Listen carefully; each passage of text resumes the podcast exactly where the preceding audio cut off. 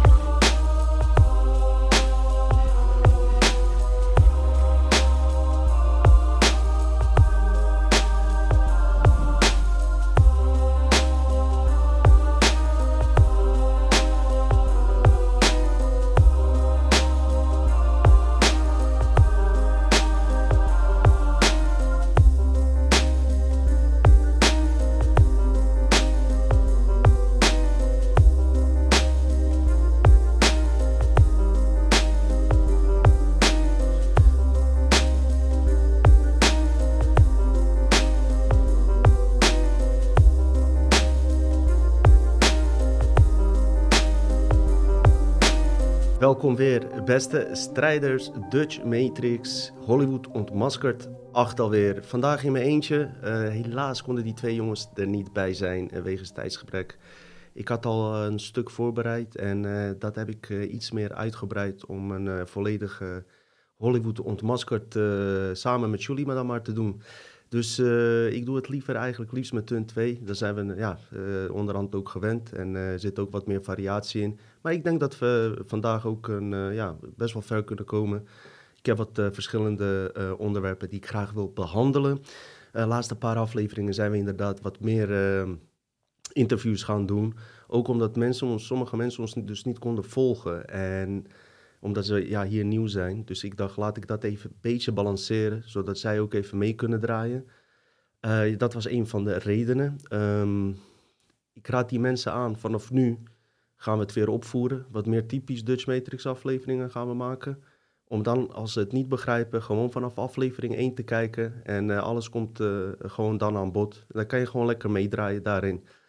Tweede reden was natuurlijk dat ik uh, bezig... Ja, ik had gewoon weer geen tijd om ook nog in, zeg maar, veel diepgaand onderzoek te doen naar nieuwe thema's.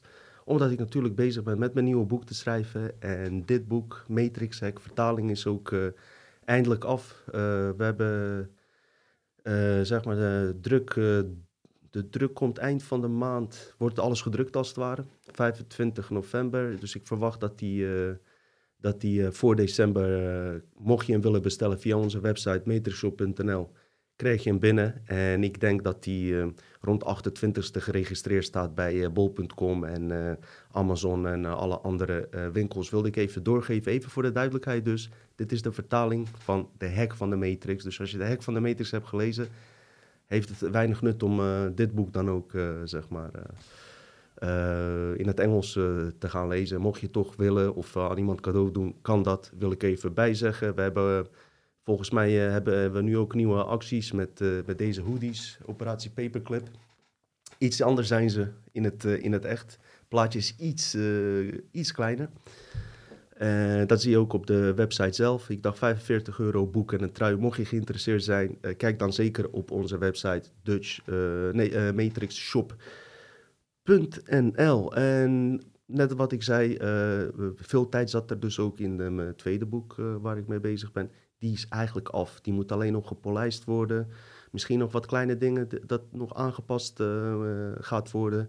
En binnen ja, een aantal maanden verwacht ik die ook uit te gaan brengen. En het goede nieuws is dus dat ik niet uh, mijn tijd meer hoef te steken, al te veel, in dat nieuwe boek en de vertaling. Want dat is zo goed als afgerond, waardoor ik meer tijd heb dus om wat diepgaander onderzoek te doen om wat afleveringen te maken die jullie van ons gewend zijn. En tevens ook de frequentie daarmee te verhogen om iets vaker te gaan uitzenden. Met de bedoeling om eigenlijk gewoon wekelijks dat weer te gaan doen. Dus wat dat betreft is, ja, is het voor mij ook een ontladingmoment dat ik denk van wauw, nou kan ik me eindelijk gewoon weer volle bak op Dutch Matrix podcast focussen. We gaan het hebben over Hollywood en weet je, het is een en al ellende sowieso in dat wereld, wereldje. We hebben het wel eens over die 1% of 0,001% die net een totaal andere werkelijkheid leeft als dat wij doen. En ja, Hollywood, weet je, die mensen daar ja, zijn ook maar poppetjes, weten we ook onderhand. Maar die zitten ook in een totaal andere werkelijkheid, totaal andere realiteit dan de meeste mensen om ons heen. En nou moet dat uiteraard moet dat gewoon kunnen. Maar ze worden wel gebruikt, uh, omdat wij massaal natuurlijk naar uh, die video's kijken, worden deze figuren wel gebruikt om uh, ons een bepaalde denkrichting in te sturen. En dat hoeven die acteurs zelfs niet eens door te hebben, want ze zijn eigenlijk ook slachtoffer van, van, van dit alles. En net wat ik zei, ze worden ingezet voor die nieuwe wereld die ze aan het creëren zijn. Die nieuwe dystopie, wat wij noemen, Demolition een film. Ik heb straks nog een andere film die erop lijkt, die ik ga behandelen in een prachtige wereld die ons wordt beloofd, wordt natuurlijk via dit soort acteurs ook naar voren gebracht. Hè. Ze worden ook uh, gebruikt voor oorlogen in Oekraïne, weet je wel. nu worden ze allemaal ingezet. Waarom? Ook door onze eigen fout, weet je. Wij zien hun ook als idolen. En onbewust nemen we hun gedrag, hun mening over. zonder dat wij dat eigenlijk zelf doorhebben. En dat ga ik straks ook behandelen. Hoe, hoe dat werkt, de alpha state mind control. hoe je hersenen in een andere staat verkeren zodra je naar televisie begint te kijken en, en wat voor effect dat heeft op jouw dagelijks gedrag in je realiteit, als het ware. Dus ja, weet je wat, je, die, die, die, mensen dus aan de ene kant steunen ze goede doelen en staan ze voor een hele mooie en gelijkwaardige wereld, maar ik zie er geen resultaten van. We weten dat die goede doelen organisaties ook vaak worden gebruikt om geld eigenlijk wit te wassen, belasting te ontduiken, noem maar op. Maar ja, resultaten zie ik niet dus echt. Want het feit is dat er nog steeds miljard mensen of op de vlucht is, of honger lijdt, geen water heeft, schoon water heeft, ziektes, noem maar op. Dat bestaat nog steeds, terwijl we nieuwste technologie hebben en zelfs naar de verre planeten kunnen gaan. Nou, daar kunnen we andere discussies over voeren of dat echt is of niet. Maar ik wil er alleen mee zeggen, het feit is wel dat aardse techniek momenteel zo ver is dat je echt vragen kan stellen van hoe kan het dan dat er zoveel mensen, dat er geen infrastructuur is om ze op zijn minst uh, geen honger te laten lijden en uh, geen ziektes te kunnen laten uh, ontstaan. Terwijl we aan de andere kant heel erg zorgen maken om COVID en dat soort dingen. Dus ja, steeds meer mensen hebben daar ook vragen over. En die diezelfde Hollywood-mensen die dus voor die gelijkwaardigheid strijden en alles. Joh, weet je, als je ziet naar hun eigen gedrag, trauma's, aangebrachte trauma's, scheidingen, ellende, weet je Eh, ze weten niet eens meer wat ze met, met zichzelf aan moeten. Dus nu is er een nieuwe rage in Hollywood om je, om je hond zeg maar een plastische chirurgie te geven. En ja, dat is echt waar. En dat denk ik bij mezelf, dus een, een, hond kan een plastische chirurgie krijgen. Aan de andere kant hebben mensen niks te eten. Weet je wel? En je zou kunnen denken, ja, zijn Amerikanen, zijn gek, laat ze lekker. Maar al die zooi, die waait dus wel hierheen. Dat, uh, dat is door de jaren heen uh, is dat ook bewezen. Het begint eerst daar. En wij nemen het gewoon, uh, wij nemen het gewoon over. Dus als je volgende keer bijvoorbeeld, je zit een mooie hond, zie je lopen met een hele mooie kont. En je denkt bij jezelf van, moi, wil ik alleen bij zeggen, het kan zijn dat het niet zijn eigen kont is. Even dat alleen. Weet je, en al die ik denk dat de, de mensen, en vooral Amerikanen, um, uh, heel erg uh, gericht zijn om idolen te hebben die hun vermaken ook, weet je. En ik heb ook bepaalde mensen, bepaalde acteurs, dat ik denk van wauw, echt, uh, ik, ik ben gek op ze, ik zou ze een keer echt wel willen ontmoeten. Maar op een hele andere manier dan dat die schreeuwende mensen en ja, op een soort van uh, ja, aanbidderij is het gewoon, weet je wel. Waarom? Omdat ze toevallig een talent hebben voor acteren of zingen of rappen, weet ik veel. Dan heb je een figuur bijvoorbeeld zoals die Kim Kardashian, waar ik ook, weet je, het moet er gewoon allemaal zijn. Dat is ook geen probleem in alles. Maar die wordt dan uh, bekend doordat er een, uh, doordat haar eigen moeder is nu gebleken een, een pornofilm die ze privé heeft geschoten jaren geleden laat uitlekken. Op die manier wordt ze bekend miljardair, ja, dat moeten ze allemaal zelf weten, allemaal leuker wel. Maar diezelfde Amerikanen, die sturen hun eigen dochters tussen 9 en 12 jaar, die gaan dan uh, voor, voor Kim Kardashian tekeningen maken of, uh, of uh, liedjes zingen, hoe geweldig zij wel, wel niet is. Terwijl deze vrouw naar mijn idee helemaal geen talent heeft, weet je. En een, een andere vrouw die een hele mooie schilderij kan maken. Of die goed in andere mooie dingen is, weet je wel, in kunstwerk en alles. Daar hoor je nooit wat van, weet je wel. En diezelfde moeders vinden het dan in het algemeen hè, niet, niet interessant om dan uh, hun dochter, zeg maar, uh, dat als voorbeeld te laten zien. Maar een Kim Kardashian, die bekend is geworden op een manier uh, wat wij nu allemaal weten. Nou heb ik van Kanye West, die vertelde ook in die Drink Champs, vertelde die wat voor controlemechanismen en industrie achter die hele familie zit. En hoe dat gewoon bewust, met een geplande reden, zelfs met de overheid uh, in samenwerking met bepaalde groepen, uh, hoe zij zo bekend zijn geworden. Het is allemaal aangestuurd, allemaal gepromoot als het ware. En ik geloof kan je wel, want hij heeft er middenin gezeten. Letterlijk en figuurlijk.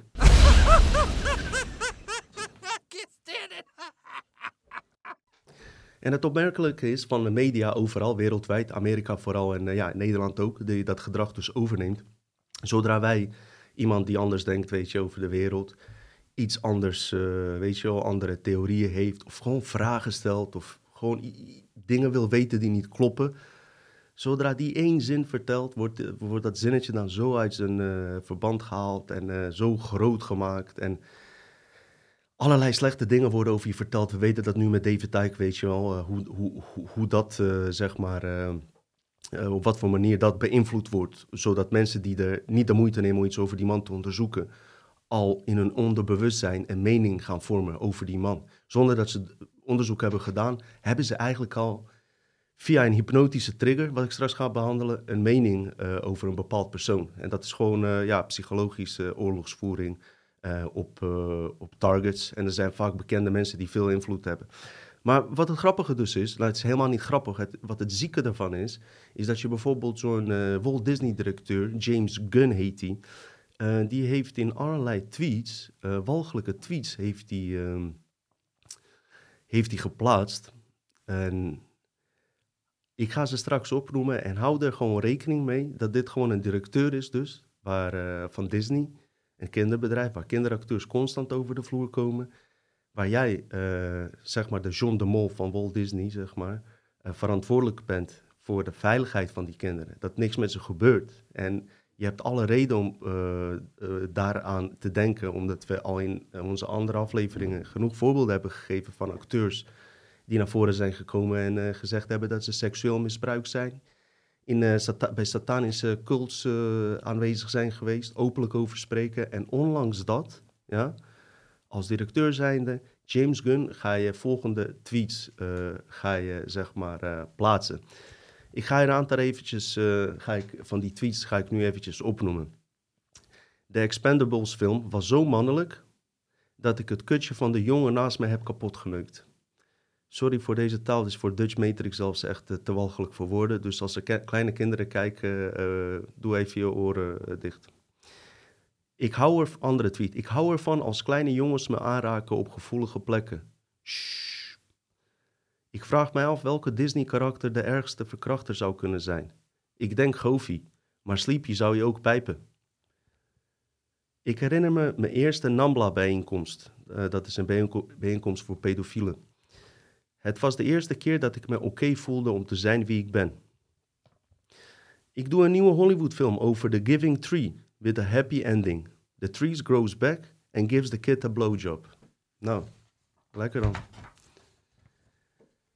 Nog een tweet. Ik ben tegen verkrachting en het eten van baby's. Behalve als je echt, maar dan ook echt honger hebt.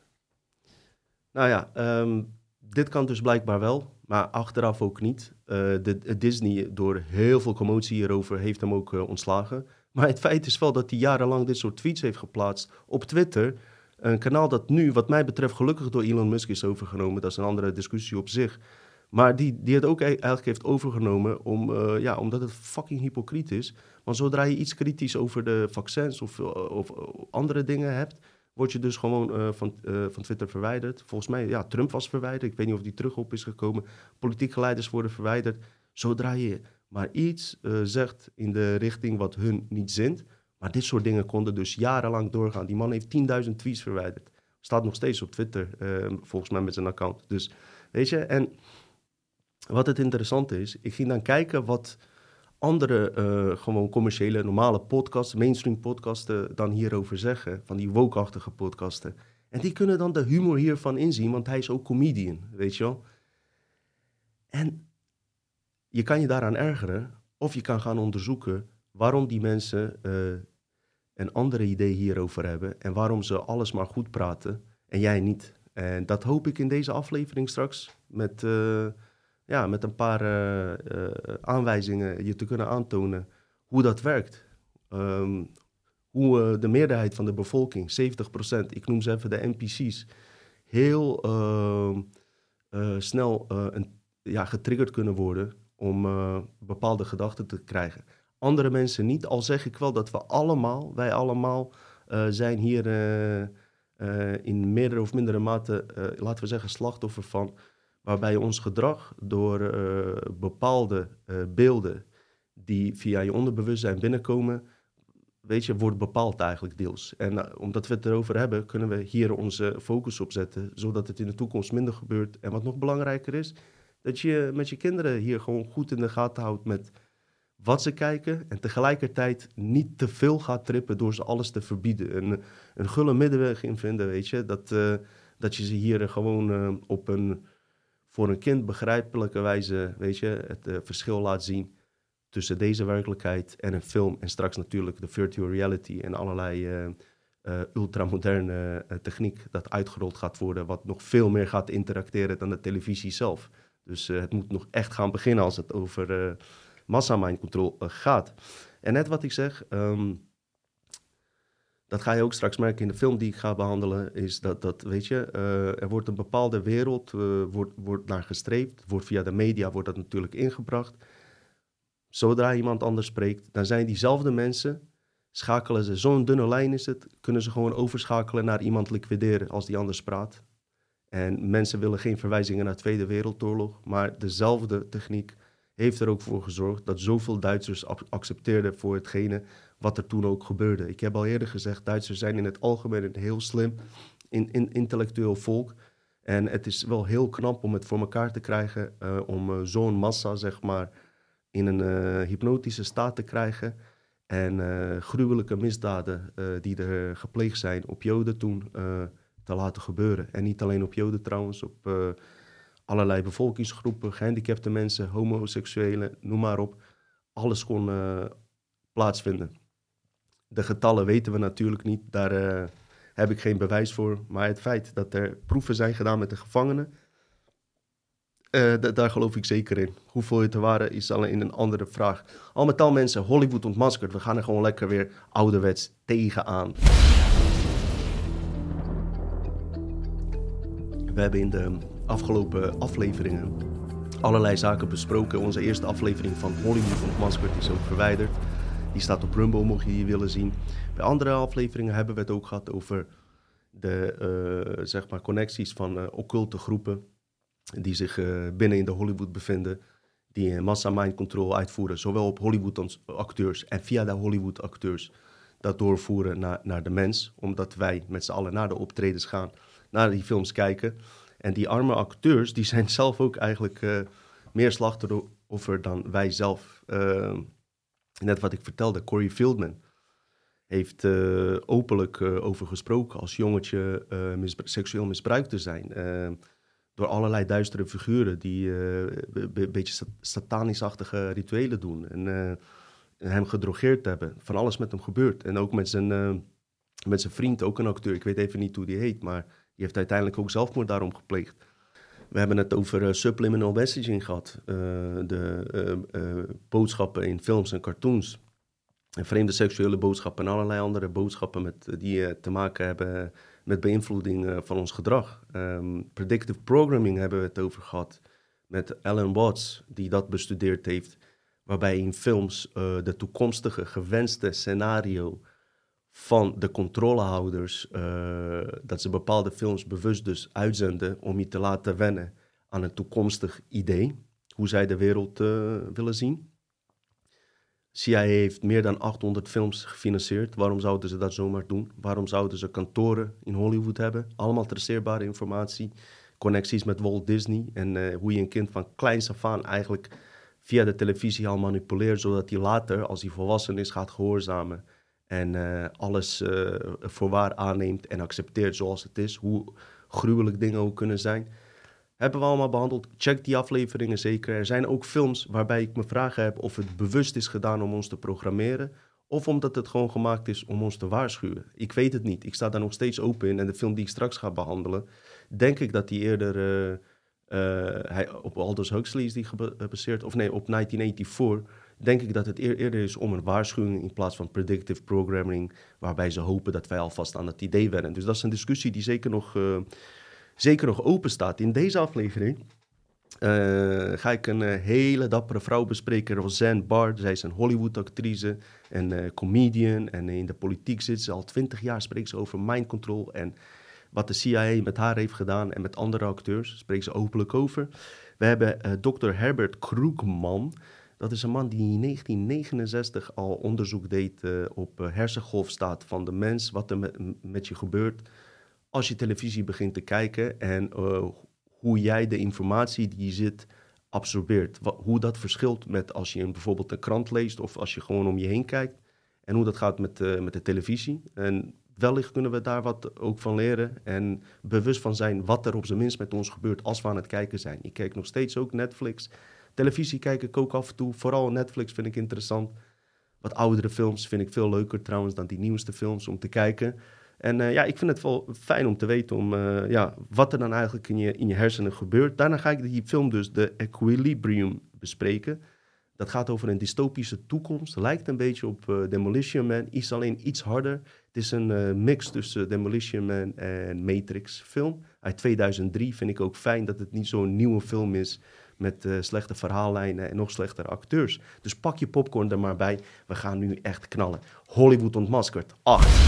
Roseanne Barr, wat een dappere vrouw. En uh, in dit geval denk ik ook van, uh, weet je, wij mannen zijn soms echt mietjes. Als ik, als ik bepaalde vrouwen die heel veel ja, bekendheid hebben. Ja, vooral als je in Hollywood, zij is een comedian, in verschillende shows heeft ze gespeeld, uh, politiek ook bezig uh, geweest. En uh, uiteraard acteurs, verschillende acteurs heeft ze ontmoet. En wat zij eigenlijk al vertelt, al vanaf 2000, is dat mind control heerst over Hollywood.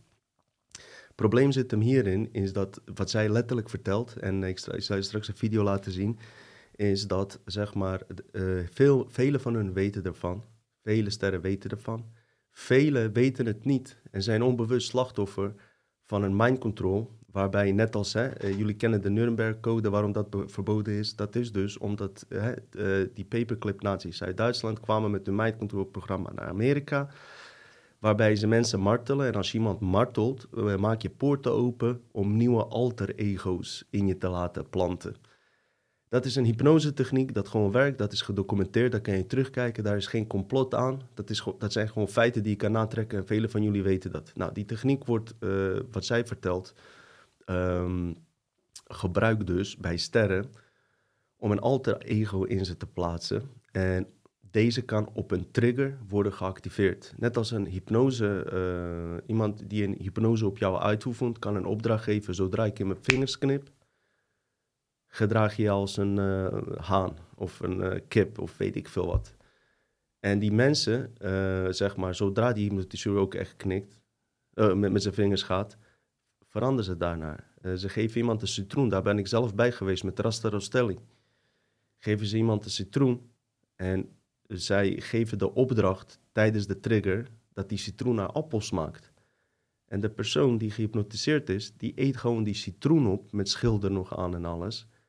En het smaakt naar een appel. En hij eet hem ook op zonder dat zure gevoel wat je normaal zou verwachten.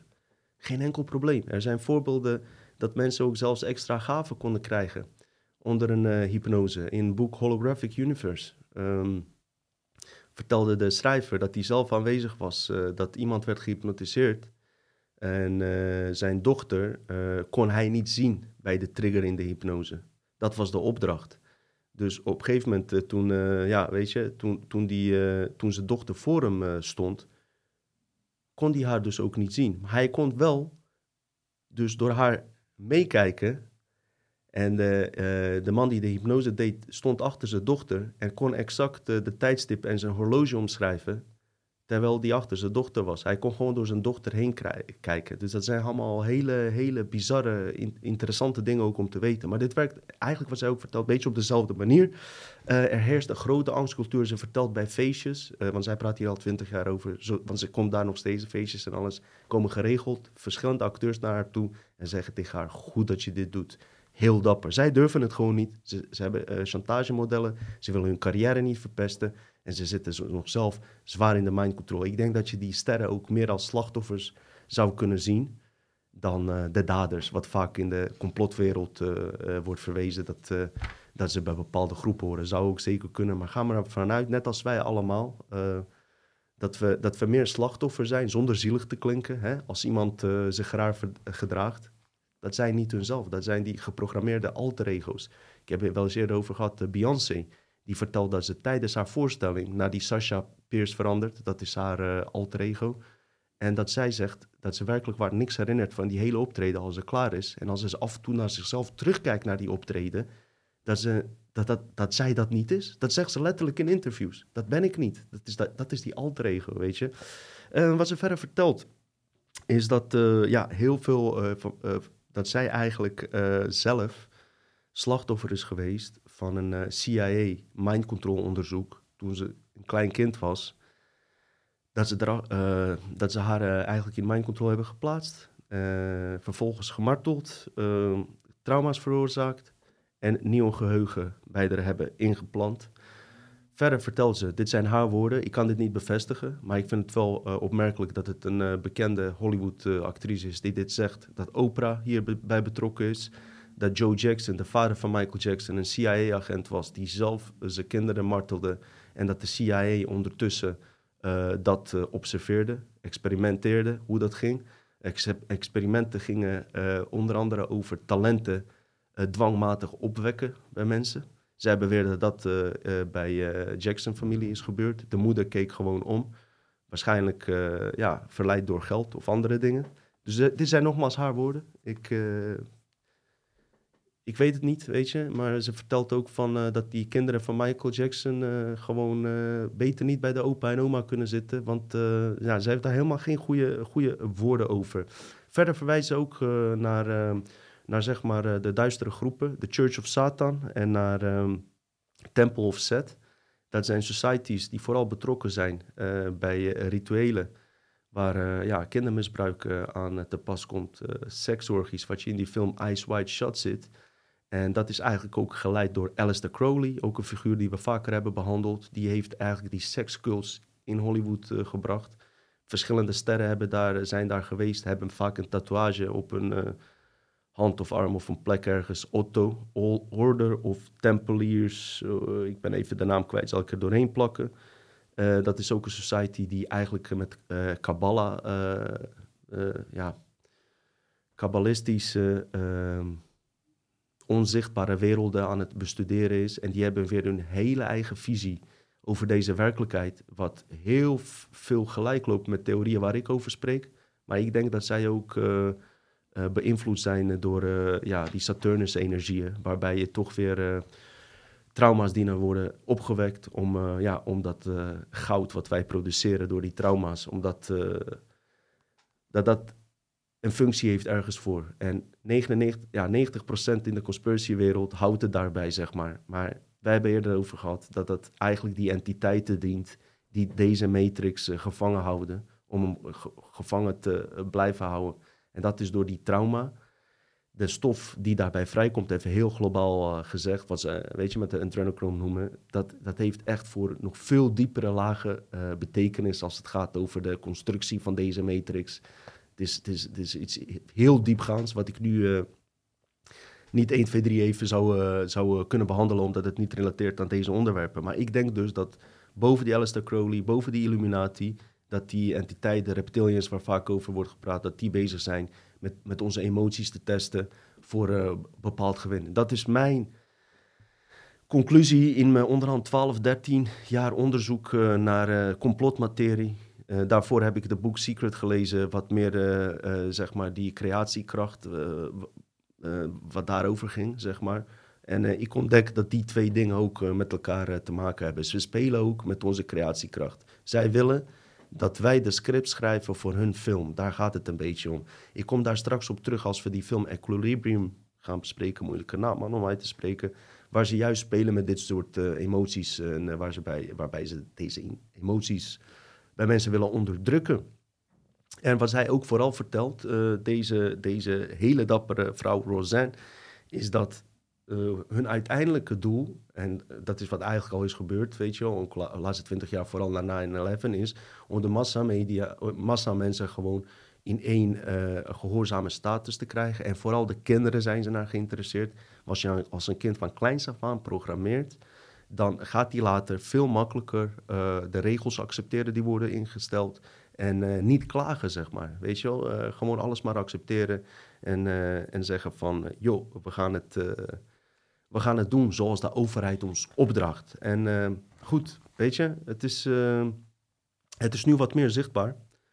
Maar ja, deze informatie is wel twintig jaar oud eigenlijk, wat ik je nu vertel. Hoe lang deze vrouw hierover spreekt. Dus dat maakt daar ook misschien wat meer kredietwaardig. Ik stel voor dat we even een video gaan bekijken van uh, uh, Roseanne, die ze met RT Rusland hield, waar zij globaal iets vertelt over uh, dit soort experimenten.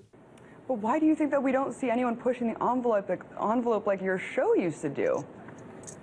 Well, because it's too hard, and uh, you know the only the only reason that I uh, was able to do it is because I was just such a, a committed activist and committed fighter. But you know I I know how hard it is for anybody else. Uh, first of all, it's really difficult to see things that are kept invisible, but uh, it's really hard for artists to um, find their voice in the medium of television, period. Right. Levels of, uh, just levels of, uh, of uh, patriarchy and patriarchal brainwashing and mind control. And you know, I can't help but when, you know, as we're talking about this, think of the Steubenville rape case. I mean, this is a perfect example of how sexism does exist in society. Not only did the rapists get a slap on the wrist, but the media was showing sympathy toward the rapists, their verdict. I mean, is the media and entertainment responsible for perpetuating a rape culture? Yeah, I think the media is responsible for perpetuating a rape culture. And you know, I mean, it's profitable for the people at the top who run the rape culture, uh, you know, who run it, and uh, you know, they profit from it. And and to say otherwise would be a big fat lie. But um, so you know, they don't want any kind of power shifted away from the way they have it set up. in a very hierarchical uh, manner with, uh, you know, women's free labor at the bottom, largely uh, slave labor, at the bottom of that big pyramid. So long, yet you've been vocal for so long. I mean, how challenging is it to see your colleagues across Hollywood lacking for the Obama administration when they have so much power and influence that they could single handedly shape the dialogue when so many people are watching them? Well, uh, I think that, you know, this is a culture of fear, and um, nobody's more afraid than people in Hollywood. They're afraid that they'll drop out of the top, you know, th they're afraid that they'll drop from the bottom of the pyramid, maybe to the middle of the pyramid. But, you know, they, they, they're the ones, uh, Hollywood is the, is the one that keeps all this power structure and all this culture of racism and sexism and, uh, and classism and genderism and all of it in place. They continually feed it and they make a lot of money doing it. And they do it at the behest of their masters who run everything. So, you know, they're not going to get brave enough to do that. I mean, I, think that there, there aren't many of us who, um, who are brave enough to do that. And I'm just, uh, you know, I'm, I'm lucky that I can do it, and I feel that I do it on behalf of uh, many people in Hollywood, too. I, I go to Hollywood parties or, you know, occasionally I go to Oscar parties and things like that. And people, big stars, people will grab me by the arm and take me aside and say, I just want to thank you for the things you say. And it blows my mind, but that, that's the culture. It's a culture of fear for sure.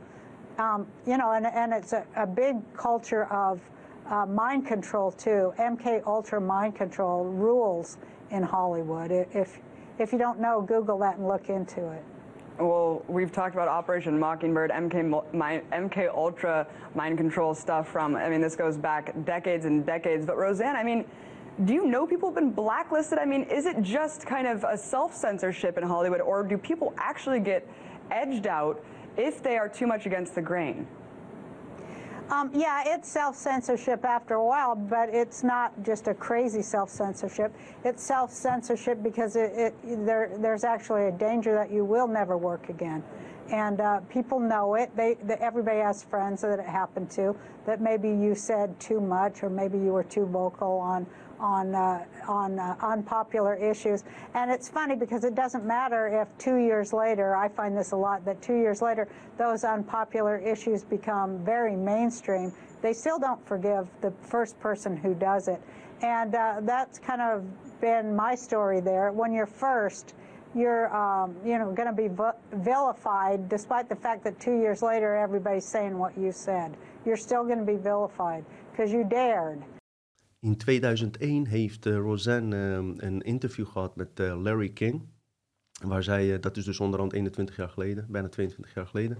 Waar zij ook eigenlijk best wel opmerkelijke dingen toen al zei. En ik zal eens even een aantal zinnen uit die interview even met jullie doornemen. Zij praat hier vooral over de trauma-based mind control zij vertelt, uh, dus dit is interview met CNN, met Larry King, 2001. CIA, zegt ze, startte dit programma toen zij de nazi's uit de Tweede Wereldoorlog naar Amerika brachten. Zij kreeg, de nazi's kregen de leiding uh, in allerlei Amerikaanse psychiatrische instellingen. Larry King vraagt, wat bedoel je precies? Roseanne, ik vertel je de waarheid. Het is allemaal mind control en experimenten met het invoegen van meerdere meerdere persoonlijkheden bij de slachtoffers. Larry King vraagt, dus je bent gevangen genomen door nazi's? Roseanne, de regering. In zekere zin geloof ik dat ze een chip in mijn hoofd uh, hebben geïmplanteerd en nieuwe geheugen bij me hebben ingeplant. Ze hebben mij als uh, kind hebben ze trauma's bij me veroorzaakt en uh, Um, daar ondervind ik uh, nog dagelijks heb ik daar last van. En nou, wat de media doet, uh, is natuurlijk uh, haar voor gek verklaren. Want die vrouw zal misschien ook wel aan medicijn hebben gezeten door die trauma's die zijn veroorzaakt. Dat is het elke keer. Mensen raken ziek van die trauma's en hebben daarvoor psychiatrische hulp nodig en alles. En tegelijkertijd wordt, je, wordt dat als troef gebruikt om je voor gek te verklaren. Eigenlijk ook als, net als bij Kanye West wat ze hebben gedaan. Kijk, uh, die man die heeft uh, dingen geroepen die ik never nooit zou doen. Was tactisch helemaal niet slim. Maar uh, je kan ook niet zeggen dat hij helemaal ontspoord is. Er zitten echt wel raakvlakken in waarvan ik denk: oké, ik, ik, ik, voel je, ik begrijp je. Maar wie weet in hoeverre die man ook eh, blootgesteld wordt aan ehm, eh, aanvallen die via, satellieten. Dat soort mensen worden op een hele andere manier aangevallen. Joh. Dus eh, ik zou nooit iemand zomaar voor gek verklaren. Dat wil ik even erbij zeggen. Ehm, dat was, eh, ja, dat met eh, Larry King. Toen vertelde ze ook over e Oprah en waarschuwde ze al mensen, weet je. Ze, ze waarschuwde, ze vertelde al zoveel dingen die, ehm, ja, die, die vandaag eh, de dag relevant zijn. En dit soort mensen hebben we in ieder geval meer en meer nodig. En hopelijk gaan er veel meer mensen naar voren komen. En op die manier gewoon dat, we, dat we even de waarheid even meer, meer laten trillen. Dat we het meer even gaan zien. En, en nogmaals, het, het is niet een verhaal op zich, weet je, van haar. Je zou ook kunnen zeggen, als dit alles was, oké, ze is beïnvloed, ze spoort niet. En, eh, weet je, maar als je kijkt wat wij alleen al hebben behandeld, en dat is misschien eh 1%, er is nog zoveel meer. Zoveel meer eh, wat hiernaar ver- verwijst. Die Todd Gun- Ted Gunderson, die CIA-agent, FBI-agent, die, die uiteindelijk hierachter kwam. Ehm, satanische cults met eh, Hollywood-directeurs waar kinderen werden misbruikt, waar het leger bij betrokken was met experimenten. Toen hij dit open, wilde openbaren, werd hij door zijn eigen collega's van FBI, werd hij op een gegeven moment met de dood bedreigd. Aantal keren hebben ze geprobeerd hem te liquideren, is niet gelukt. Eh, moest vluchten. En eh, hij, eh, toen eh, besefte hij pas in wat voor eh, rabbit hole die terecht was gekomen. Er zijn te veel voorbeelden. Ik geef hier nog een voorbeeld. Zus van Mariah Carey, dit is vrij recent. Eh, die heeft dus in 2020 heeft zij haar eigen moeder heeft zij aangeklaagd. Waarom? Omdat die moeder haar bracht naar haar zeggen. Dit is ook de aanklacht. Op een eh, zesjarige leeftijd bracht ze haar naar satanische rituelen waar ze misbruikt werd. Zus van Mariah Carey. Ze heet Allison. Mo- moeder heet Patricia. Eh, ze was tien jaar oud trouwens en ze, moest, ze ging mee. Ge- regelmatig werd ze gedwongen naar eh, nachtelijke satanische aanbiddingsbijeenkomsten te komen waar rituele offers plaatsvonden en waar zij zelf en andere kinderen en volwassenen bij werden misbruikt. Haar moeder van Mariah Carey en haar, Patricia Carey is nu eh, 83 jaar, was hierbij betrokken, heeft haar, eh, die zus daarvoor dus gebruikt, haar dochter. En zij was zelf ook een eh, bekende zangeres bij Metropolitan Opera. Dat kind dus, door al die gebeurtenissen, is ze drugsverslaafd geraakt, depressie, eh, posttraumatische stoornissen, noem maar op, weet je. En eh, zij zegt gewoon, dat komt omdat ik van kleins af aan dit soort gruwelijke dingen heb gezien en mijn leven heeft, controle over mijn leven heeft gekregen. Ehm, hier waren volwassen mensen dus nogmaals bij betrokken, van een stuk of 10, 20 man in gewaden. En in een interview met The Sun uit 2018 geeft Alison Carey meer details, details over haar vermeende misbruik. Ik kan daar wel even wat van noemen. Dit vertelt zij. Het klinkt moeilijk te geloven en ik heb zoveel herinneringen, herinneringen die ik nooit had willen hebben. En naast de familielid maakte me altijd net voor twee uur wakker s'nachts en nam me mee naar een oude hal die eruit zag als een kasteel. Op korte loopafstand van de kerk waar we vroeger naartoe gingen in Huntington, New York. De plaats is er nog. Ik kan je precies laten zien waar hij is, waar die plek is. De ceremonies of rituelen waren altijd tussen twee uur en vier uur s'nachts en ze waren niet elke week voor zover ik me kan herinneren. Alleen bepaalde data. Iedereen, zou, iedereen had lange gewaden met zwarte kappen. Binnen begonnen ze met de rituelen en ze eh, deden dat in een, eh, wat ik denk, eh, de Latijnse taal, vertelde ze. Ik heb nooit begrepen wat er aan de hand was. Ik herinner me dat er een soort tafel of altaar was en ze zongen en iedereen ging in een cirkel staan. Er zouden ongeveer twintig mensen zijn, inclusief kinderen. Dan zouden er vreselijke dingen gebeuren, vertelde ze, wat een kind niet zou moeten zien. Seksueel misbruik, offeringen. Ze vertelde dat als ik niet deed wat ze eh, mij opdroegen, dat ze mijn zusje Mariah zouden eh, schaden. En, dat, Mariah Carey was toen nog jonger. Dus ja, als een kind van zes hoor je dat. Ik heb ze nooit het woord Satan horen zeggen. Maar ehm, ik weet zeker dat het Satan-aanbidders waren. Want eh, dingen die daar plaatsvonden konden niet anders dan satanistisch zijn. Nou zou je kunnen denken. Nou zou je kunnen denken, ja, die vrouw is drugsverslaafd geraakt. Ze heeft geld nodig. Want dat is wat de media natuurlijk, waar, zij op spelen. ze heeft geld nodig en ze probeert geld van Mariah Carey af te trokken. Zou je kunnen denken? Maar dan heb je nog een troef en dat is haar broer, die heet Morgan Carey. En die bevestigt haar verhaal. Sterker nog, hij zegt dat hij zelf ook daar aanwezig was. En hij heeft ook, uh, verder wilde hij er niks over kwijt. Maar wat hij wel zei, dat hij niet uitsluit dat Mariah Carey hier ook slachtoffer van was. Van dezelfde misbruik. Hij heeft het nooit gezien, zegt hij. Het is nooit in zijn bijzijn geweest. Maar uh, het zou goed kunnen dat zij ook hier uh, slachtoffer van is ge geweest. Dus uh, als we zo even kijken, we hebben allerlei traceerbare getuigen. En dit, dit is geen ergernis meer, dit is gewoon even een observatie. Zoveel dingen worden hierover verteld. Zoveel programma's zijn erover gemaakt. Zoveel nog meer pro programma's zijn erover gecensureerd. Want net wat ik jullie zien is uh, volgens mij ook gecensureerd gewe uh, geweest. Dus ehm, zoveel aanknopingspunten. En nog steeds word je voor een gek versleten als je überhaupt vragen hierover stelt. Wordt er zo'n propaganda op je? Kijk, ik heb er geen last van, ik ben geen bekendheid. Maar stel je voor dat je een, ja, zo'n Kanye West of, of, iemand anders... Hè, we hebben hier in Nederland ook mensen gehad met bekendheid... die heel veel tering zo over zich heen kregen... terwijl ze echt, echt harde punten hadden, weet je wel.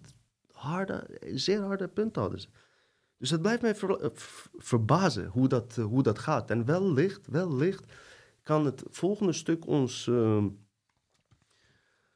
vertellen hoe het komt dat uh, bijvoorbeeld dingen die ik net opnoem, die heel belangrijk zijn, niet door de massamedia op de mainstream worden opgepikt. Nou, dat kunnen we wel enigszins begrijpen. Maar hoe het kan dat nu we toegang hebben tot alle internet, iedereen heeft toegang tot deze informatie, dat het ons wel iets doet en dat de me meeste andere mensen dit niet veel doet en dat het niet massaal wordt opgepikt. En dat gaan we nu uh, bespreken. Um, een stuk over Alpha State Mind Control. Een zeer interessant stuk. Uh, voordat ik erover begin, ik weet nog, toen ik net met, met deze onderwerp, met deze thema startte, was er een CIA-agent, werd vaak over hem verteld, die op zijn sterfbed zei tegen zijn familie: Eerste wat jullie moeten doen, is je ontdoen van televisieapparaten. Gooi ze in de prullenbak, want dat zijn de gevaarlijkste apparaten die er maar bestaan, die er maar zijn wat ik mij ook eh, bij mezelf nu afvraag is, we kijken allemaal van kleins af aan televisie. We moeten ons ook realiseren dat we allemaal enigszins geprogrammeerd zijn. Degene die, zegt dat hij geen programma's heeft en, uh, en dat hij geen... Dat zijn gedrag volledig natuurlijk is, uh, die neem ik zo en zo al niet serieus. We hebben allemaal gedrag wat niet bij ons past. En dat hebben jullie bij mij misschien ook kunnen zien, zelfs tijdens de afleveringen. Maar als je zelf in de spiegel kijkt, zal je ook opmerken dat je dat hebt. Dus zelfs die mensen die op televisie en in de podcast altijd perfect lijken, geloof mij, zoals ze zeggen, weet je, hun stront is niet wit, zoals ze in Amerika zeggen. Iedereen heeft wel zijn minder, minder natuurlijke kanten, om het zo maar te zeggen. we, we, hebben een man die heet Herbert Krugman. Die heeft in 1969 heeft hij eh, opmerkelijke onderzoeken gedaan als het gaat om deze thema's waar wij het over hebben. Nogmaals, het is geen complotonderzoeker, het is een president of American Psychological Association. En een zeer gewaardeerde man die uh, voor een of andere, ik denk dat het een overheidsinstantie is, die toen de tijd controleerde van in hoeverre media effect heeft op ons gedrag en wat de gevaren daarvan zouden kunnen zijn. Plus hele andere dingen. Zijn interview ga ik niet laten zien. Ik zet hem wel in de link omdat het zeer langdradig is. Ik kon niet eens goede stukken eruit halen om, uh, om aan jullie te laten zien. Het is een oude video. Maar um, ik kan wel even uh, kort bespreken wat hij hierin vertelt. En vervolgens heb ik wel een andere video die dit wat compacter en wat globaler uitlegt. Want het is echt oude taal tenminste oude taal, het wordt te ingewikkeld uh, gecommuniceerd, weet je. Maar ik kan je even, even een paar punten noemen wat hij nou werkelijk heeft onderzocht. Hij zegt, hoe meer wij tv kijken, hoe meer wij in alfa-hersengolfstaat terechtkomen. Over die uh, golfstaten van bewustzijn hebben we het natuurlijk met Rolf Nijns, die binnenkort ook weer komt voor de derde aflevering, gehad. Dat, uh, dat wij in verschillende bewustzijnstaten kunnen verkeren en dat we daarmee ook andere werelden uh, kunnen waarnemen, onder andere. Je hebt een soort van droomstaat, je hebt uh, theta ik, ik ken het even niet uit mijn hoofd, maar normaal verkeren wij dus in een beta-bewustzijnstaat. maar zodra je televisie begint te kijken, ontdekte deze onderzoeker Herbert Krugerman, dat wij binnen één minuut veranderen in alfa-hersengolf staat. Hierdoor wordt, het kijk, wordt de kijker, luister goed, minder kritisch op hetgene wat hem wordt getoond. Een staat van hypnose, daar is het mee te uh, vergelijken, veroorzaakt door de alfa-frequentie, waarbij je tevreden bent om gewoon te zitten en verder te kijken. Gewoon nergens aan te denken. Deze proef deed hij volgens mij met een uh, van zijn uh, secretaresses, hield haar constant in de gaten. ontdekte inderdaad, zodra de tv aanging, binnen één minuut veranderde de, toestand van je hersenen. Als het de tv uitdeed en weer de krant ging lezen, binnen no time ehm, eh, eh, kwam je weer in de normale toestand waar je de wereld om je heen zit, zeg maar.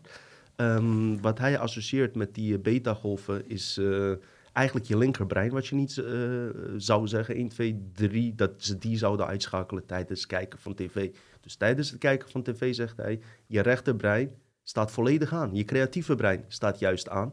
En linkerbrein, die actief en ja, gewoon logisch denken uh, beredeneerd, uh, zit in de alpha-golven. Wat hij ook uh, vertelt, is dat er, onder andere via symbolen inderdaad, wat we al eerder hebben behandeld, maar dit soort dingen noemt hij passief geleerd gedrag.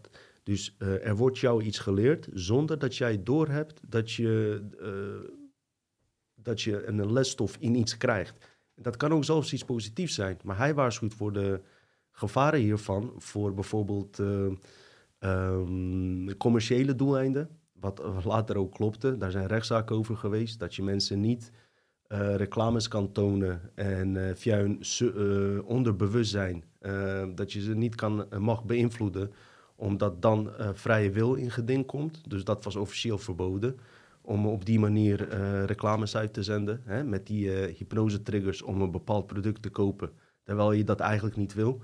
Hij waarschuwt nog meer voor de politieke trucjes die daarin kunnen worden toege toegepast. Via die subliminale wijze, wat hij zelf hypnosestand noemt. Um, wat, hij, ja, wat het ook natuurlijk is, wat je nu hebt, is, dat wordt daar ook verteld. als je televisie kijkt, die kijkt bijvoorbeeld de film, daar zie je heel veel scènes door elkaar heen. Alles gaat heel vlot hè, door de techniek die dat aan elkaar plakt. En hij vertelde ook, op een gegeven moment raak je onbewust gewend daaraan, waardoor je deze realiteit om je heen, die eigenlijk veel langzamer gaat, um, steeds saaier begint te vinden, waardoor je toch weer neigt om uh, naar die tv-prikkels terug te gaan. Zonder dat je dat doorhebt, word je daaraan verslaafd. En hij zegt dat daar ADHD en ADD, dat soort toestanden, dat, dat die daar linken mee hebben als het ware. En dus je, begint gewoon steeds meer deze wereld steeds saaier te vinden. En ja, uh, net wat ik zei, die virtual reality straks en alles, dat gaat nog veel gecompliceerder worden. Dus ik ben wel benieuwd hoe dat allemaal gaat lopen als we echt interactief met, uh, met, met die prikkels uh, straks gaan werken. De werkelijkheid klopt niet, wordt te traag. Hij vertelt onder andere bijvoorbeeld dat een politieke partij bepaalde hypnose-triggers via symbolen zou, naar jou zou kunnen toezenden. En de meeste mensen die daar vatbaar voor zijn, die hebben dat dus in zich genomen. Vervolgens, als ze naar de stembiljet gaan en datzelfde symbool zien, zullen zij sneller geneigd zijn om op die uh, politieke partijen uh, te stemmen, omdat die symbool die zij zien een associatie opwekt met een beeld dat al eerder is waargenomen, maar omdat het via het onderbewustzijn gaat, weten jouw hersenen niet of dat nou een echte ervaring is geweest of een ervaring uit associatie is geweest of een ervaring via de televisie. Waardoor je hersenen, uh, waardoor jij denkt dat je op een politieke partij bewust hebt gestemd, terwijl dat helemaal niet bewust is gegaan. En ik denk dat dat ook de, uh, een van de uh, grootste tactieken zijn, waardoor mensen toch blijven stemmen op mensen die ons eigenlijk constant blijven onderdrukken. En wat hij ook vertelt, bijvoorbeeld, dat hebben ze in de supermarkten en dezelfde techniek toegepast als ze bijvoorbeeld een bepaalde logo, bepaalde product mensen zien, dat ze toch sneller geneigd zijn als ze die logo eerder in een reclame hebben gezien. Daarin, dat was dan naar je onderbewustzijn gegaan. Ze zien die logo weer, er wordt een trigger geplaatst en jij koopt dat product. En wat hij eigenlijk zegt, is dat dit het grootste gevaar is van vrije wil. Want in dat geval is het product uh, zoek jij niet het product, maar het product zoekt jou eigenlijk. Die roept naar jou. En dat is een omgekeerde wereld. En hij zegt, in zo'n situatie heeft degene die het scherm bestuurt, dus de media, de toekomst, het verleden en het heden in handen. Ik denk dat uh, dit, dit is zo'n klein onderdeel hè, van die uh, massa, mind control en alles. Maar dat het wel een belangrijk stuk is om een keer misschien zelf te bestuderen, om op te merken en om, de, uh, om, het, om het antwoord te krijgen op de vraag hoe het kan dat zoveel mensen getriggerd worden en eigenlijk ehm, opdrachten die via het onderbewustzijn worden ingevoegd in hun dagelijks leven uitvoeren en denken dat ze, dat ze zeg maar een eigen keus of een eigen gedachte hebben. En sterker nog, jou gek noemen, mij gek noemen. Ik laat jullie even volgende video zien, wat misschien uh, het verhaal wat ik uh, net hierover heb verteld, wat meer duidelijk maakt. Komt-ie.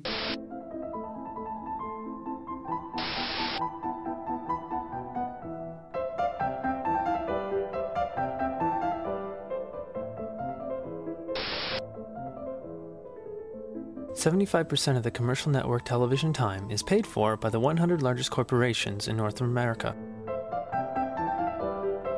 Some corporations have television budgets that range into the billions per year. Television producers compromise and end up mitigating their desires for those of the advertisers. Thus, television is effectively a private medium for their use only.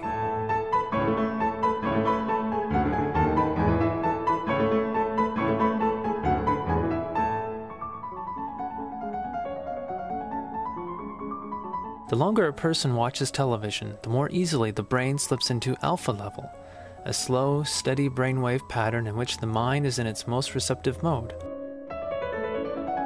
Images and suggestions are implanted directly into the mind without viewer participation. An effective hypnosis is induced, and the viewer surrenders to the unending television image stream.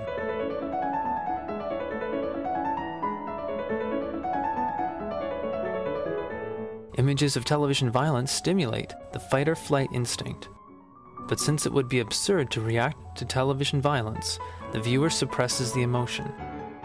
Viewers are drawn back and forth on cycles of impulse and suppression. When the set goes off, this stored up energy bursts forth in frantic behavior commonly associated with childhood hyperactivity.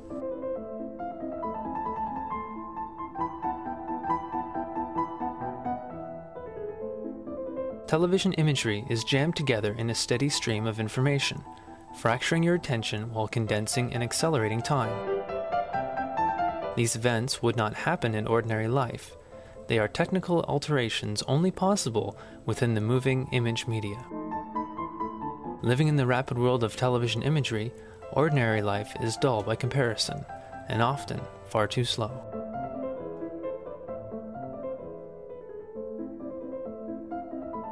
People who immersed in the surrogate reality of television life deal on a daily basis with a reality totally unlike any that has preceded it.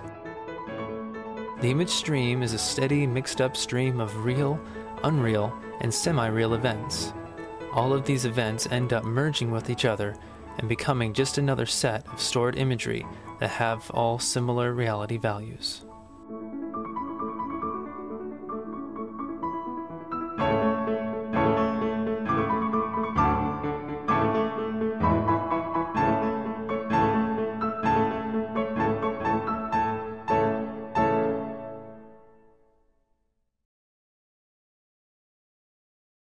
Ja, dan gaan we over naar de schrijver Aldous Huxley, bekende schrijver van het boek onder andere New Brave World.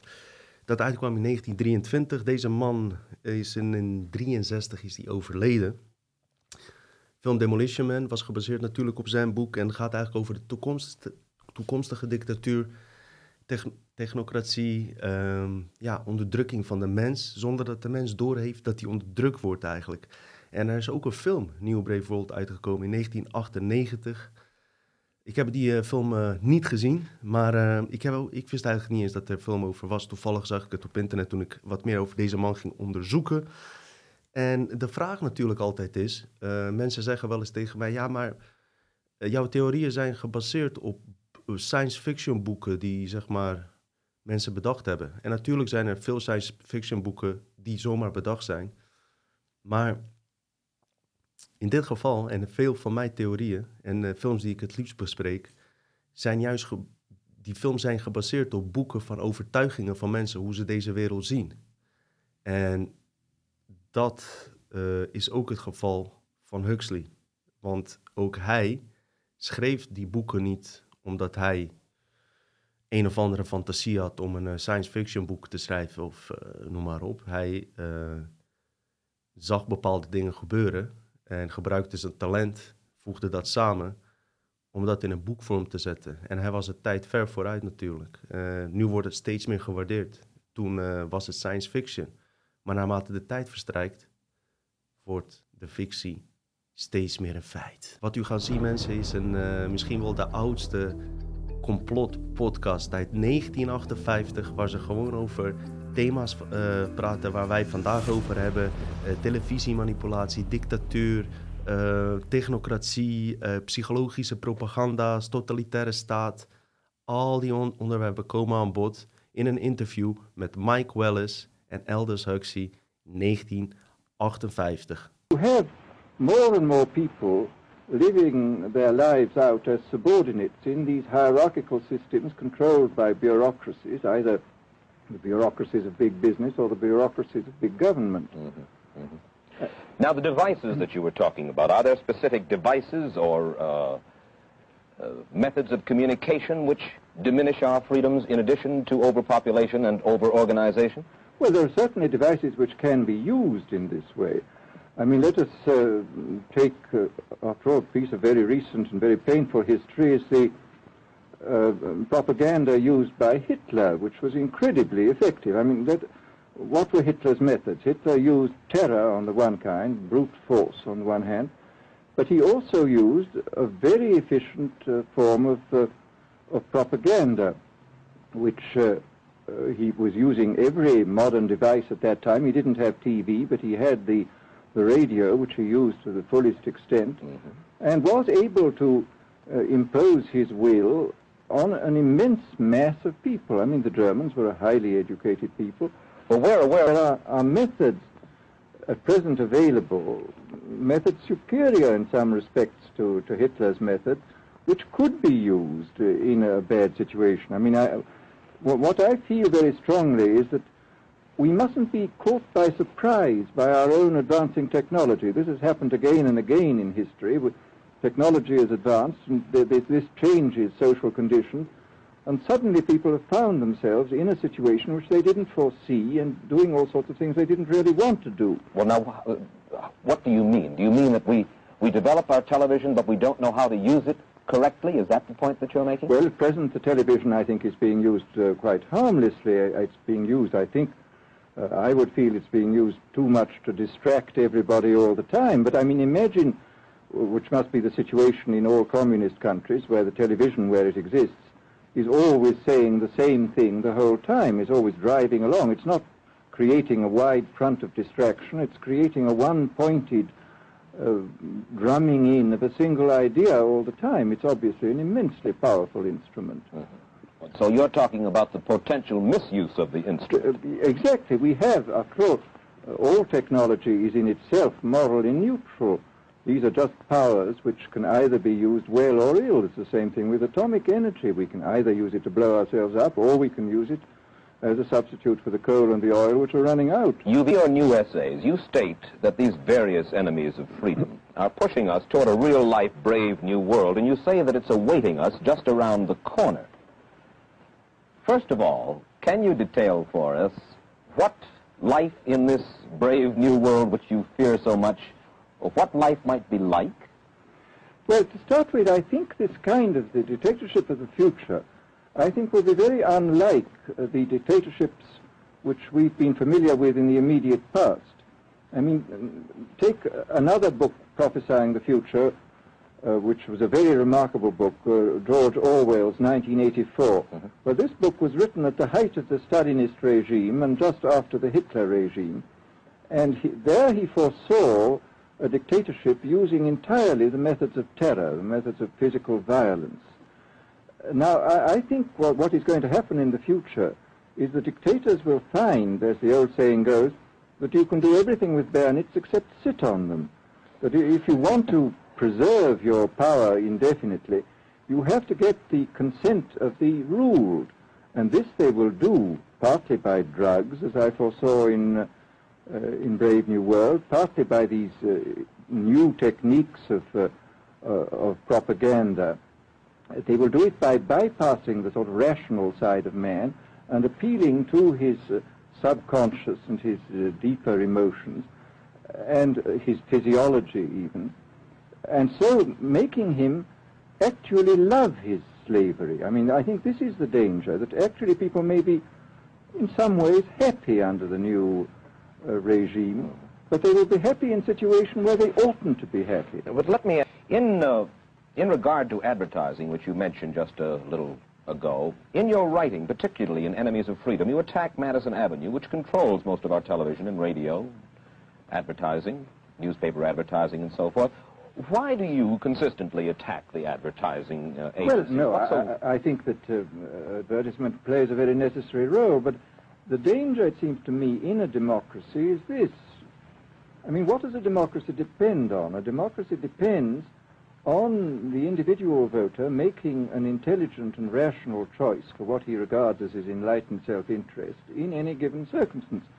But what these people are doing, I mean, what both for their particular purposes, for selling goods, and the dictatorial um, propagandists are doing, is to try to bypass the rational side of man and to appeal directly to these unconscious forces below the surface, so that you are, in a way, making nonsense of the whole democratic procedure, which is based on conscious choice of, on rational grounds. Mm-hmm. The question, of course, that keeps coming back to my mind is this. Obviously, politics in themselves are not evil. Television is not in itself mm-hmm. evil. Atomic energy is not. And yet you seem to fear that it will be used in an evil way. Why is it that the right people will not, in your estimation, use them? Why is it that the wrong people will use these various devices and for the wrong motives? Well, I think one of the uh, of the reasons is that uh, these are all instruments for obtaining power, and obviously the passion for power is one of the most moving passions that exist in man. And after all, this is all democracies are based on the proposition that power is very dangerous, and that it's uh, extremely important not to let any one man or any one small group have too much power for too long a time. After what are the British and American constitutions accept devices for limiting power. And all these uh, new devices are extremely efficient instruments for the imposition of power by small groups over larger masses. Ja, en uh, een van de stellingen die hij deed, uh, die ik echt uh, van, nu, van belang vind, en daarin zie je hoe hij al voorzag wat er zou gebeuren met de mensheid. En we zien het om ons heen gewoon gebeuren. Is de volgende stelling, wat hij vertelde, is de snelle technologische de snelle technologische veranderingen zullen de samenleving niet voldoende, tijd gunnen om zich aan te passen en een machtsevenwicht tot stand te brengen. Dus uh, de techniek uh, en bewustzijn van de mens dient op hetzelfde level te groeien. Maar als dat niet gebeurt, kunnen de dictatoren en allerlei autoriteiten de, de controle grijpen en samenlevingen kunnen ontdoen van persoonlijke vrijheden. Dat vertelde hij al in 1958. Eh, dus uh, opmerkelijk, opmerkelijk. Onderaan zijn er wel duizenden aanknopingspunten en, en ja, die je eh, aan elkaar kan verbinden waar die uh, elephant, olifant tevoorschijn komt. Ik, ik, vraag me alleen af hoe lang moeten we dit soort punten blijven benoemen. Ja, ik doe het graag, ik, ga, ik blijf het ook doen. Maar ik wacht echt af dat er nu eigenlijk nog een grote storm gaat komen als het gaat om het ontwaken. En als we heel eerlijk zijn, als je met COVID net eh, ontwaakt bent en alles, is dat gebeurd doordat er iets gebeurde wat niet leuk was. Je bent meestal niet ontwaakt. De meeste mensen die nu ontwaakt zijn, zijn niet ontwaakt door, uh, doordat je dit soort theorieën ging uh, uitzoeken. Eerst gebeurde er iets in, in je leven waardoor je die theorieën ging uitzoeken. Bij de meeste mensen. Hè? Bij mij was het, misschien heeft bij mij ook invloed gehad dat ik, eh, dat ik in een corrupt land eh, was opgegroeid en eh, dat ik sowieso de overheden niet vertrouwde. Dat ik wat meer, eh, ik wou bijna zeggen vatbaar was, maar je bent er niet vatbaar voor. Je toont gewoon interesse en je wil de waarheid weten, weet je. Dus de nieuwe mensen die zullen gaan ontwaken. ik denk niet dat je ze 1, 2, 3 krij- krijgt door te zeggen: kijk naar Dutch Matrix podcast of die of die. Als ze al in zo'n staat van bewustzijn zitten. Er moet e- eerst iets gebeuren op collectief level wat niet leuk is. Of op, pers- op persoonlijk level waarbij je door de overheid wordt geflasht. Of een oneerlijke situatie ontstaat en eh, dat je dingen gaat onderzoeken. Of dat je zelf misbruikt bent eh, door eh, bepaalde figuren. Dus ja, ik ben benieuwd wat de komende tijd gaat gebeuren. Laat ik het, laat ik het zo zeggen. We gaan over naar een film die gaat over onderdrukking van onze emoties. Die film heet Equilibrium. Wat een moeilijke naam zeg. Wat een moeilijke naam. Die film gaat dus over dat de mens verboden wordt om zijn emoties te eh, tonen, zeg maar. Voordat ik de film uitleg, wil ik even een paar linken leggen met de theorie met mijn voorlopige conclusie hoe deze realiteit in elkaar zit, eh, na eh 10 tot 15 jaar onderzoek. Als, als je op spiritueel level bekijkt, 2008 heb ik het boek The Secret gelezen. Wat me heel erg inspireerde, de creatiekracht van de mens en de vermogens van de mens. Later la- raakte ik in de rabbit hole van complotten, mede dankzij David Tyke, eh, Human Race, eh, get, eh, get Off Your Knees, volgens mij heette die zo, The Lion Sleeps No More. Nou, die heeft mij helemaal in, in, die, in deze richting gebracht qua complotonderzoek. Daar kwam ik ook achter dat dat boek wat ik eerder had gelezen, The Secret, Creatiekracht, dat dat ook eh, linken en raakvlakken heeft met, met de complotten waar ook David Icke over praatte. Wat mij een wat completer beeld heeft gegeven. Daar ben je met die eh, tijd lang daarmee bezig en dan stopt het op een gegeven moment ook bij David Icke. Hij vertelt wat over die reptilians en dan is het klaar, weet je wel. Maar ehm, als je kijkt, als je die eh, reptil- reptilians, waar nu over veel wordt gepraat, insectoïde rassen, ehm, waar wat we hebben behandeld, waar ze constant, wat ze aan het monitoren zijn, zijn de menselijke emoties. Dan kan je bij mijn laatste aflevering, eh, Alien Program, DMT en Reptilians, eh, heb ik eh, ook daarnaar verwezen, naar een eh, onderzoek van Dr. Stressman. Die, die heeft natuurlijk ayahuasca-wereld en DMT-wereld in het Westen een beetje populair gemaakt, waardoor ik zelf ook ayahuasca drie keer heb gedaan. Mede door zijn documentaire. Hij is bij Joe Rogan geweest, werkt samen met Joe Rogan ook op verschillende gebieden. En er was een interview uit 2000 met hem, waarin hij vertelt dat eh, toen hij onderzoek deed, hij deed klinisch onderzoeken met 60 proefpersonen. En de meerderheid van die personen, hij diende ze dus met injectie, misschien op verkeerde manier, ayahuasca in om te kijken wat er met hun gebeurt. Nou, daar kwamen verbazingwekkende resultaten uit, hele verslagen eruit. Maar onder andere vertelde hij, de meerderheid van die mensen belandde tijdens zijn onderzoek, toen ze de DMT eh, geïnjecteerd kregen, kwamen ze in een andere dimensie terecht. En daar zaten al reptilians op ze te wachten aan een, eh, aan een tafel om eh, verder onderzoek op hun te doen.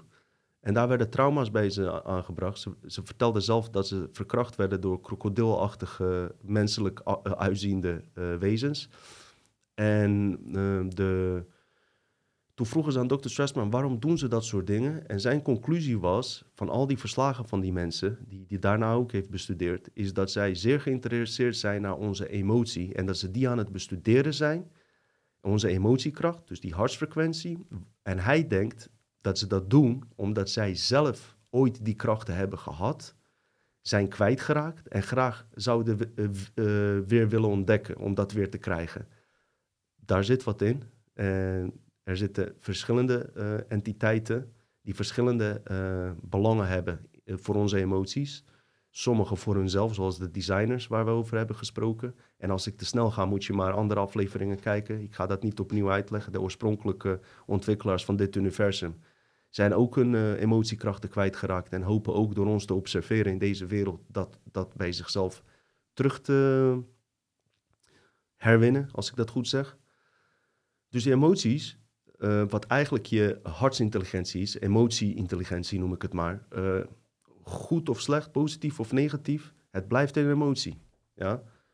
Dat is iets dus wat jou mens maakt. Een eh, NPC, een robotwezen, die kan heel intelligent zijn. kunstmatige intelligentie kan die veel sneller rekenen, noem maar op. Maar fantasiekracht, emotiekracht en kracht om werelden buiten jezelf te creëren, hebben ze niet.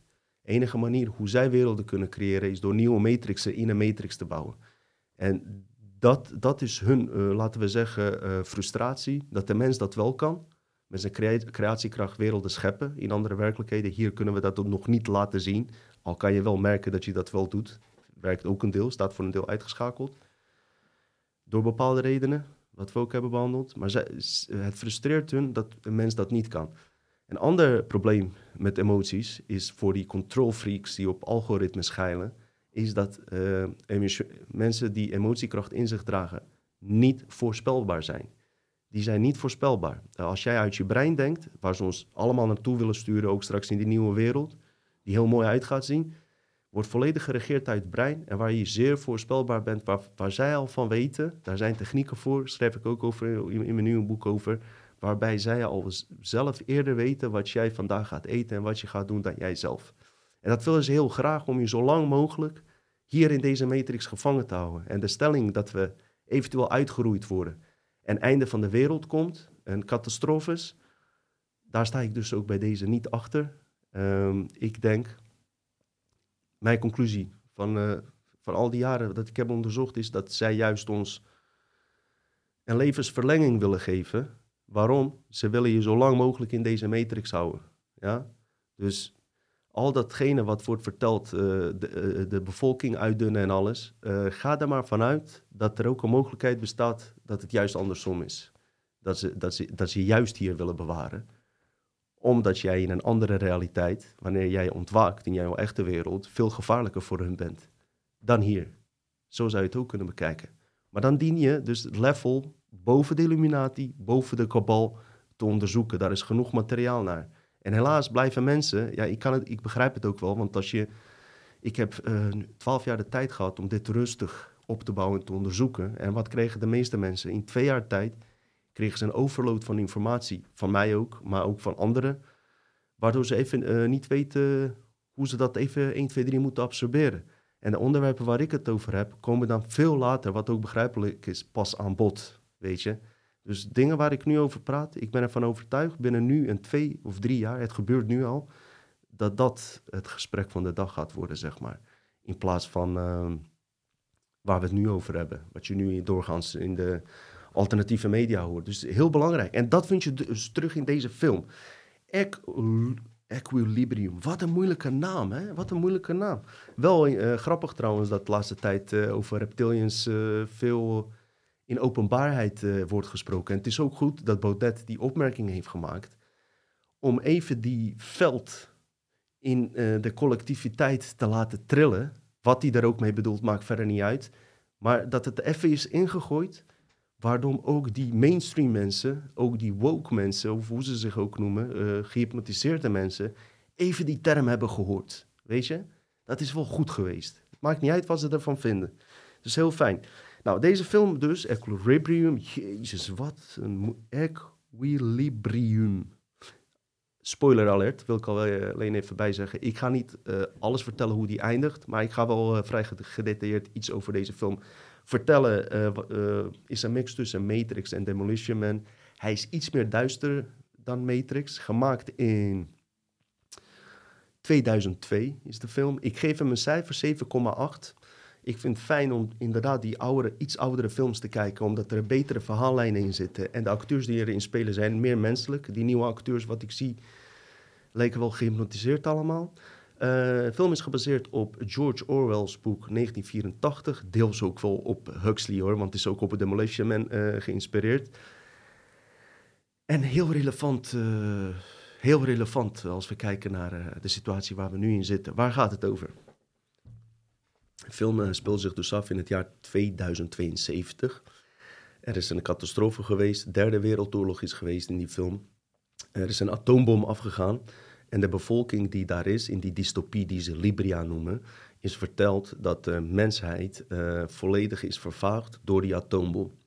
Nou, omdat dat gebeurd is, was hun stelling ja, van de leiders, uiteraard uh, om uh, mensheid onder hun controle te krijgen, eh, dat dit komt omdat de mens zijn emoties niet kan beheersen.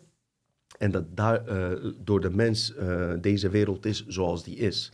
En als oplossing daarvoor hebben zij een middel dat heet Prosium. Ik denk dat dat verwijst naar Prozac, hè, blauwe pil, waar ik wel eens grapjes over heb gemaakt. Wat ik trouwens helemaal niet slecht bedoel voor mensen die psychische klachten hebben. Ik ben juist degene die zegt dat je niet gestoord bent. Maar goed, sommige mensen voelen zich aangesproken. Maar ik zeg dat ik mensen die schizofrenie hebben en, en meerdere persoonlijkheidsstoornissen misschien wel beter begrijp dan hun psycholoog zelf. Dus respect voor die mensen. Dat wil ik er even bij zeggen. Uh, wat is er aan de hand in die film? Uh, om die emoties te onderdrukken, hebben ze Prosium. Uh, elke bewoner dient dit vaccin in zijn nek te prikken, wat stoffen bevat om je emoties te onderdrukken. Dus je emoties gaan daardoor weg. Ja? Wie toch dit overslaat of emoties toont, krijgt de doodstraf.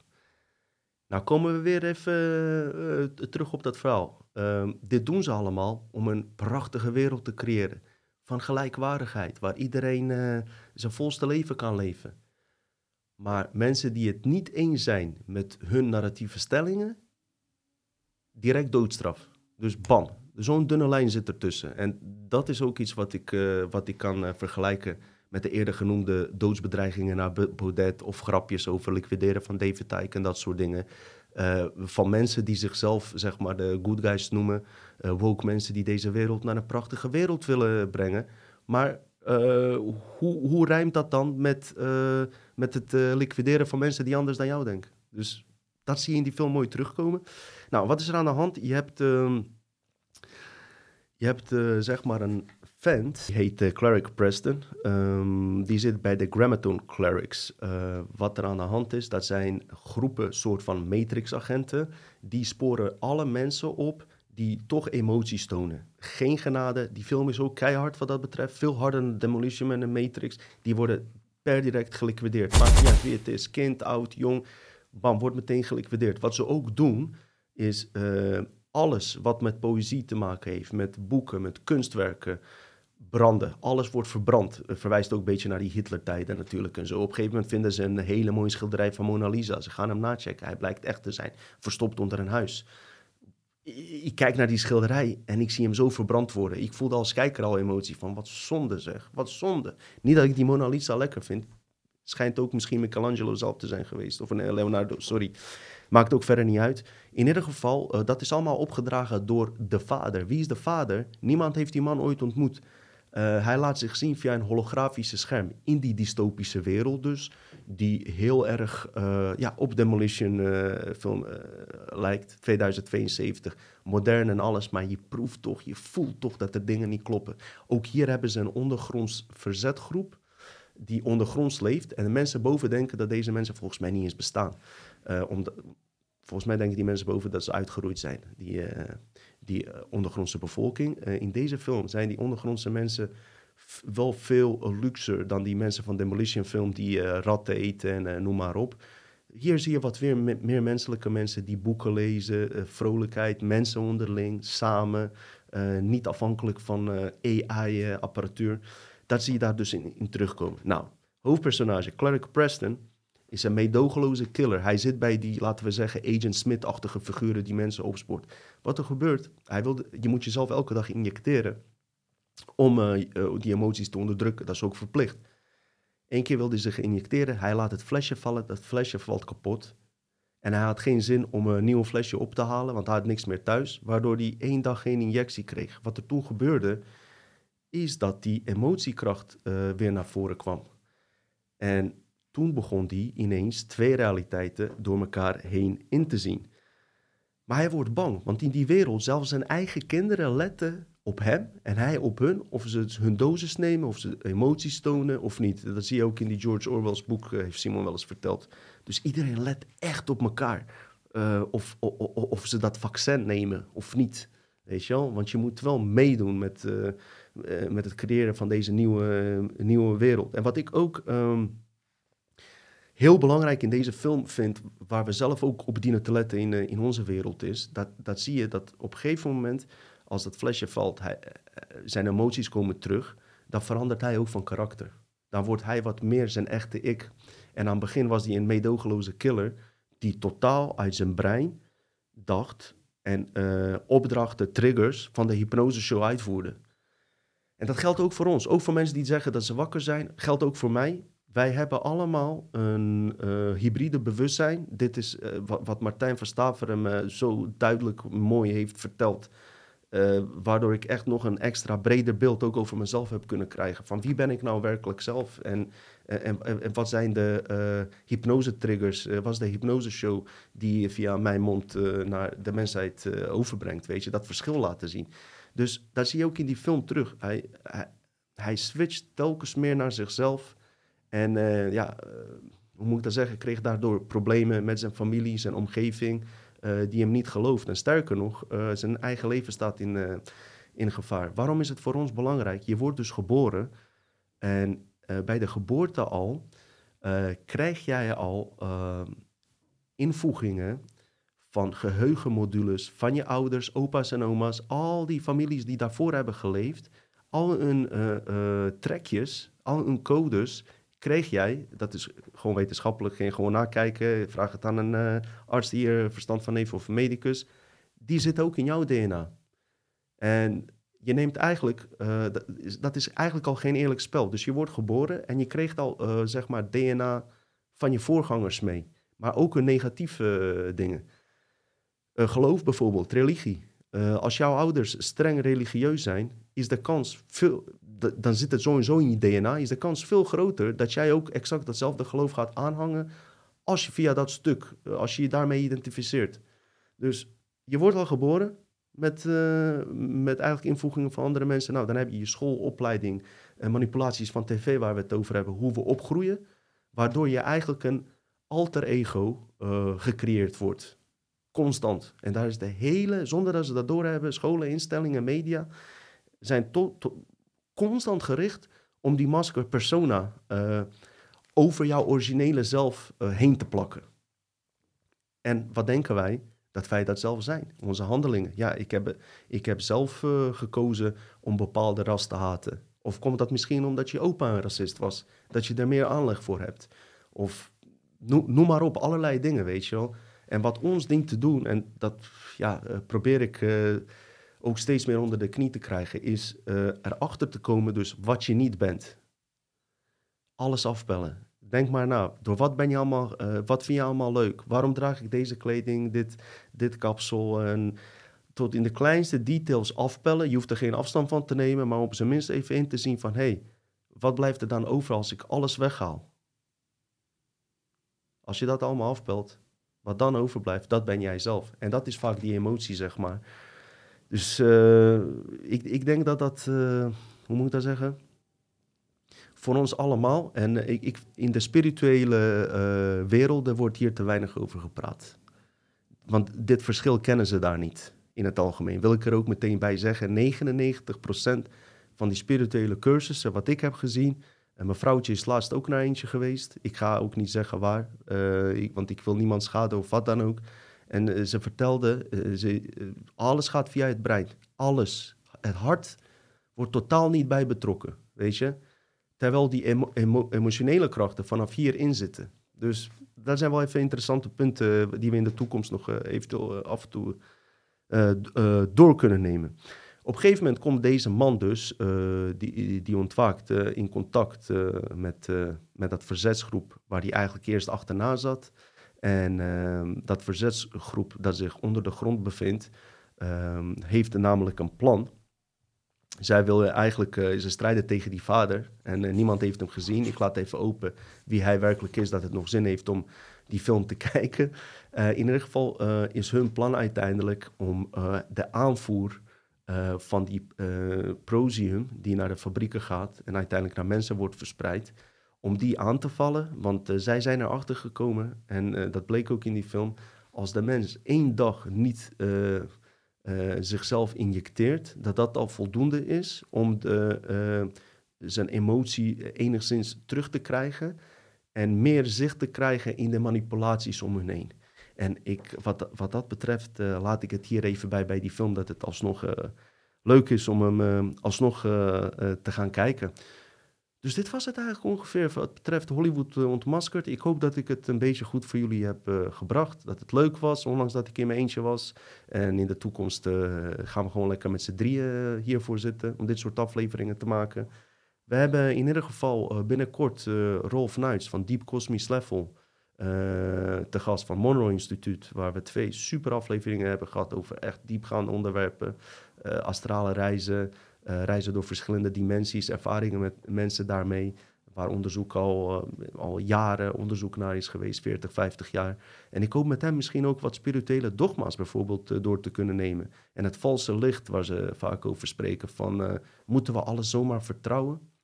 Elk licht dat naar ons toe komt, elke spirituele leer, of dienen we toch dan ook heel kritisch te zijn in, dat soort zaken? Dus ik kijk heel erg uit naar, naar die aflevering. Verder wil ik er nog op attenderen. Ik streef ernaar om weer wekelijks te gaan uitzenden. Ik kan het niet direct beloven dat het direct gebeurt, maar het, het is wel de bedoeling. Ik heb wel wat meer tijd. Op zijn minst, als ik het wat drukker heb, dat ik een video van 20 of 30 minuten doorheen doe. Dat we gewoon ja, wekelijks weer terug in de game komen met, met nieuwe dingen en waar jullie hopelijk ook wat aan hebben. Lieve mensen, Arrivederci, mon fanculo.